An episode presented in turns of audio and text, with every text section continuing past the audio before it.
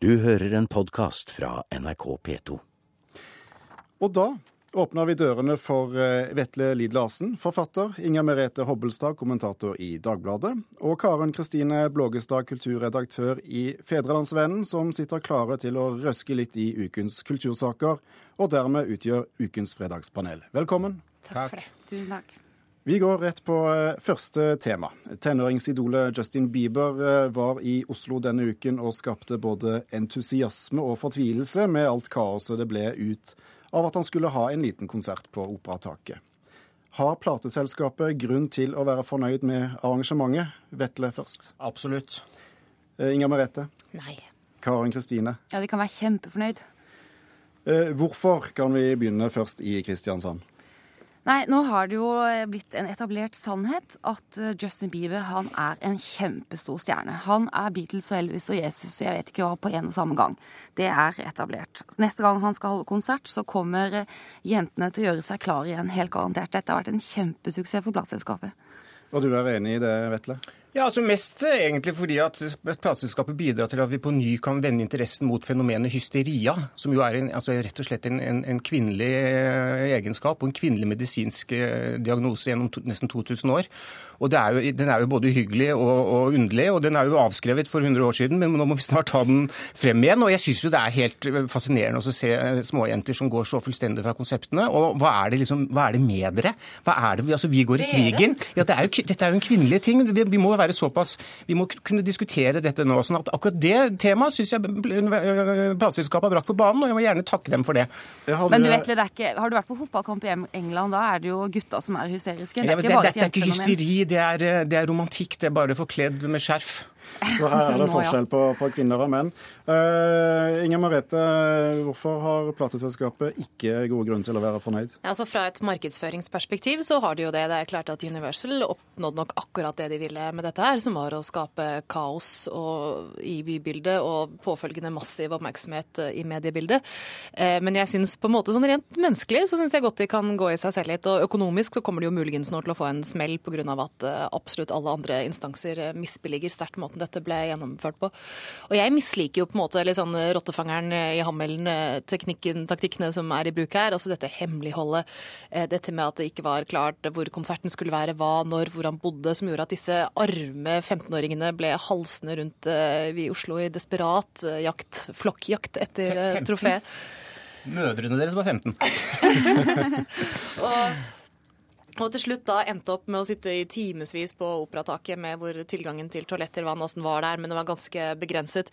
Så jeg tenker at det er noe med en slags utnytting av denne voldsomme hengivelsen da, og overgivelsen som disse unge jentene føler for idolet sitt, som jeg ikke er så begeistret for. Ja, Det er jeg helt enig i. Det var veldig trist å se. Og når plateselskapet etterpå, når de sitter så langt inne hos dem og tar ansvar for det hysteriet, så ja, syns jeg det er i sterk kontrast til hvordan de trigget hysteriet. Men det er jo ikke plateselskapet som er hysterisk, det er jo ikke jentene. Jeg må komme tilbake til det. Det er jo interessant at jenter blir så, blir så hysteriske på den måten. Og det, det, er ikke helt sammenlignbart med fotball, faktisk. For det er faktisk mye mer militant og, og også mye mer skremmende på et vis hysteri vi ser på fotballbanen, som ikke egentlig er et hysteri, altså, men, men noe annet. Så, så, jeg igjen vender tilbake til det spørsmålet hva er det for noe? Hva er det?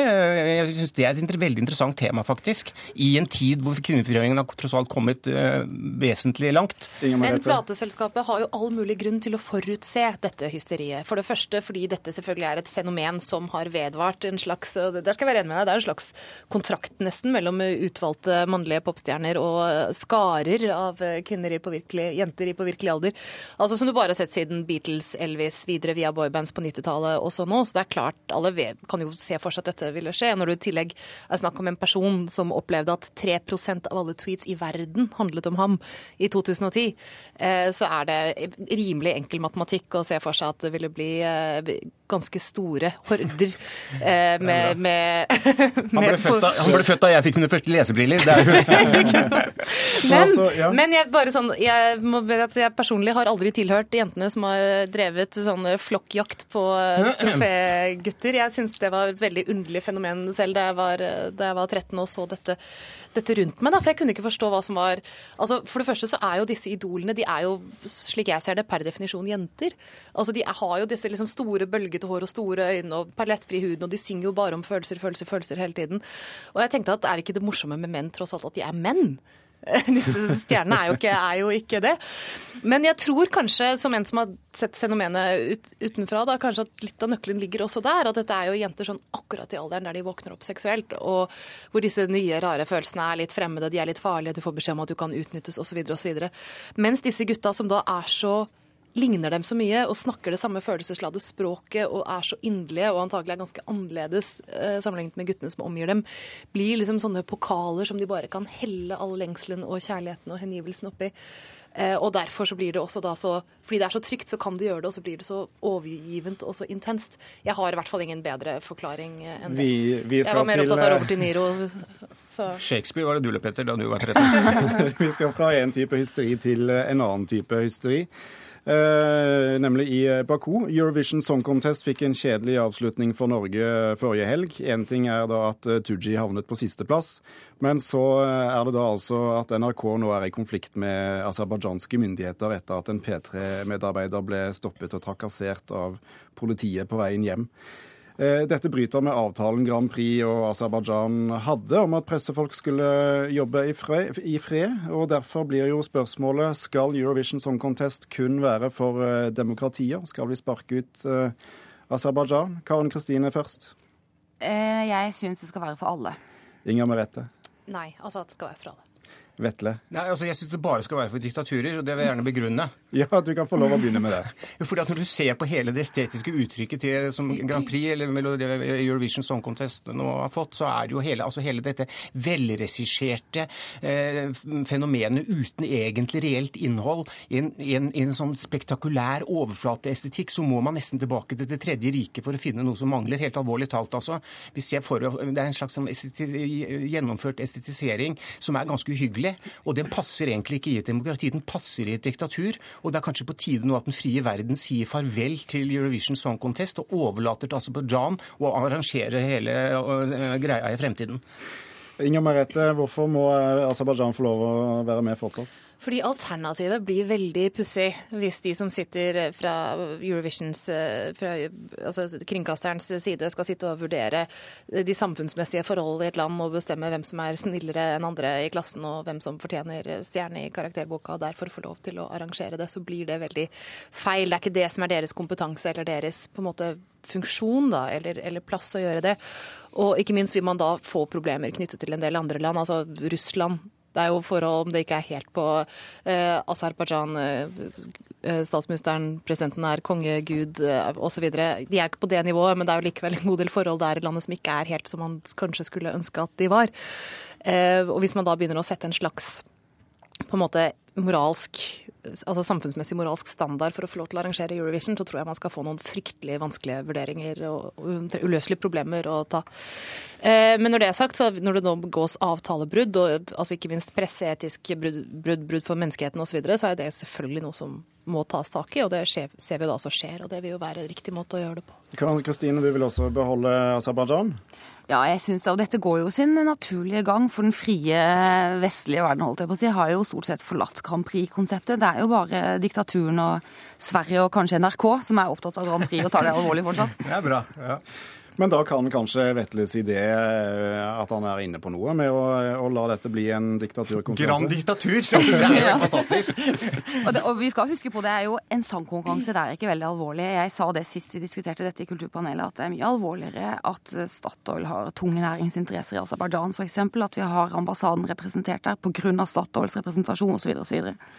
Statoil mistet moralen sin for lenge siden, dessverre. Ja, de gjorde det. Ja, men før vi også hopper tar liksom sats og hopper opp på den moralske pedestalen her, så er det også greit å være obs på at alle Grand Prix-sendinger er massiv eh, propaganda for de forskjellige land de, de foregår i.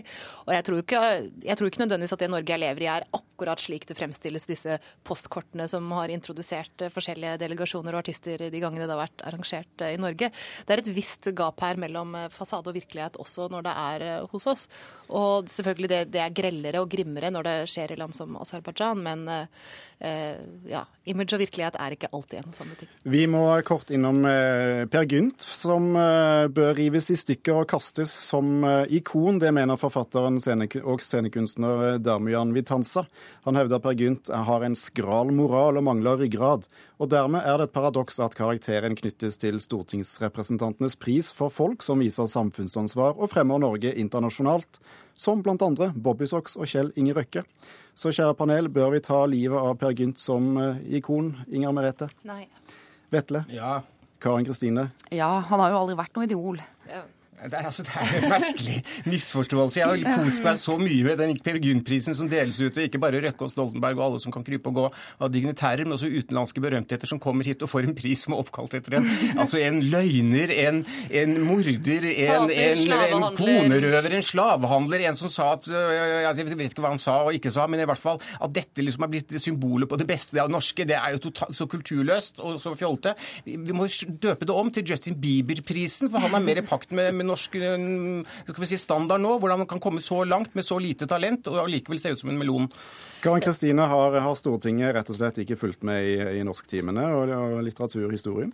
Nei, det virker som ikke de har lest sin Ibsen eh, godt nok. De liksom eh, har eh, latt seg forblinde litt av det gode ved Per Gynt. Altså denne eventyreren, dette vågemotet og drømmeren, og har hatt noen romantiske forestillinger rundt det. Og sett bort fra alle disse andre egenskapene hans som ble listet opp litt tidligere nå. Altså, jeg jo, svarte jo nei på det spørsmålet egentlig av akkurat samme grunn som Kristiansand her eh, svarte ja. Nettopp at jeg opp, opp, har aldri opplevd eh, Per Gynt som noe ideal, og det tror jeg egentlig ingen har som har eh, overflatisk kjennskap til verket. Og på en måte så syns jeg at det er noe av det også litt fine ved at han har en slik sentral plass som et slags ikon i norsk kulturhistorie, litteraturhistorie. At det ikke bare er liksom heltemot og breskuldrede, rakryggede folk som er ting vi forbinder som sentrale med. Ikke sant? At, du aner at de har misforstått. Det er det du aner at de som har døpt prisen, har misforstått. De burde heller kalt den Mor Aase-prisen, mm. eller f.eks. Altså Solveig-prisen, som jo ventet i århundrer uh, tålmodig. Det er jo mm. aktverdig. Eller Mor Aase, hun døde jo i hvert fall når hun skulle. Det, ikke engang det greier begynt. det, ville, det ville vært interessant å høre begrunnelsen for akkurat hvordan det skjedde. At, at det, prisen A fikk det navnet og ble, ble, definert som den var. Men at man har Per Gynt som en ikonisk skikkelse, en sentral skikkelse i norsk kultur, det syns syns jeg er eh, riktig så flott. Det er mye artigere å ha en skikkelig vinglete tufs som det enn å ha en eh, helt. Ja, jeg, jeg, tenker at han alltid er et veldig sånn relevant speil på den norske folkesjelen, men noe ikon eller noe idol, det blir veldig feil. Ja, så sånn sett er det kanskje en dypere mening i det allikevel, da. Så på en måte da vi, at vi ender opp der, kanskje. At vi kanskje kan være enige om det. Kanskje egentlig er en fornærmelse. Kanskje alle som har fått den, egentlig har fått den som en slags indikasjon på at de er upålitelige mennesker. Kanskje de har misforstått Du har hørt en podkast fra NRK P2.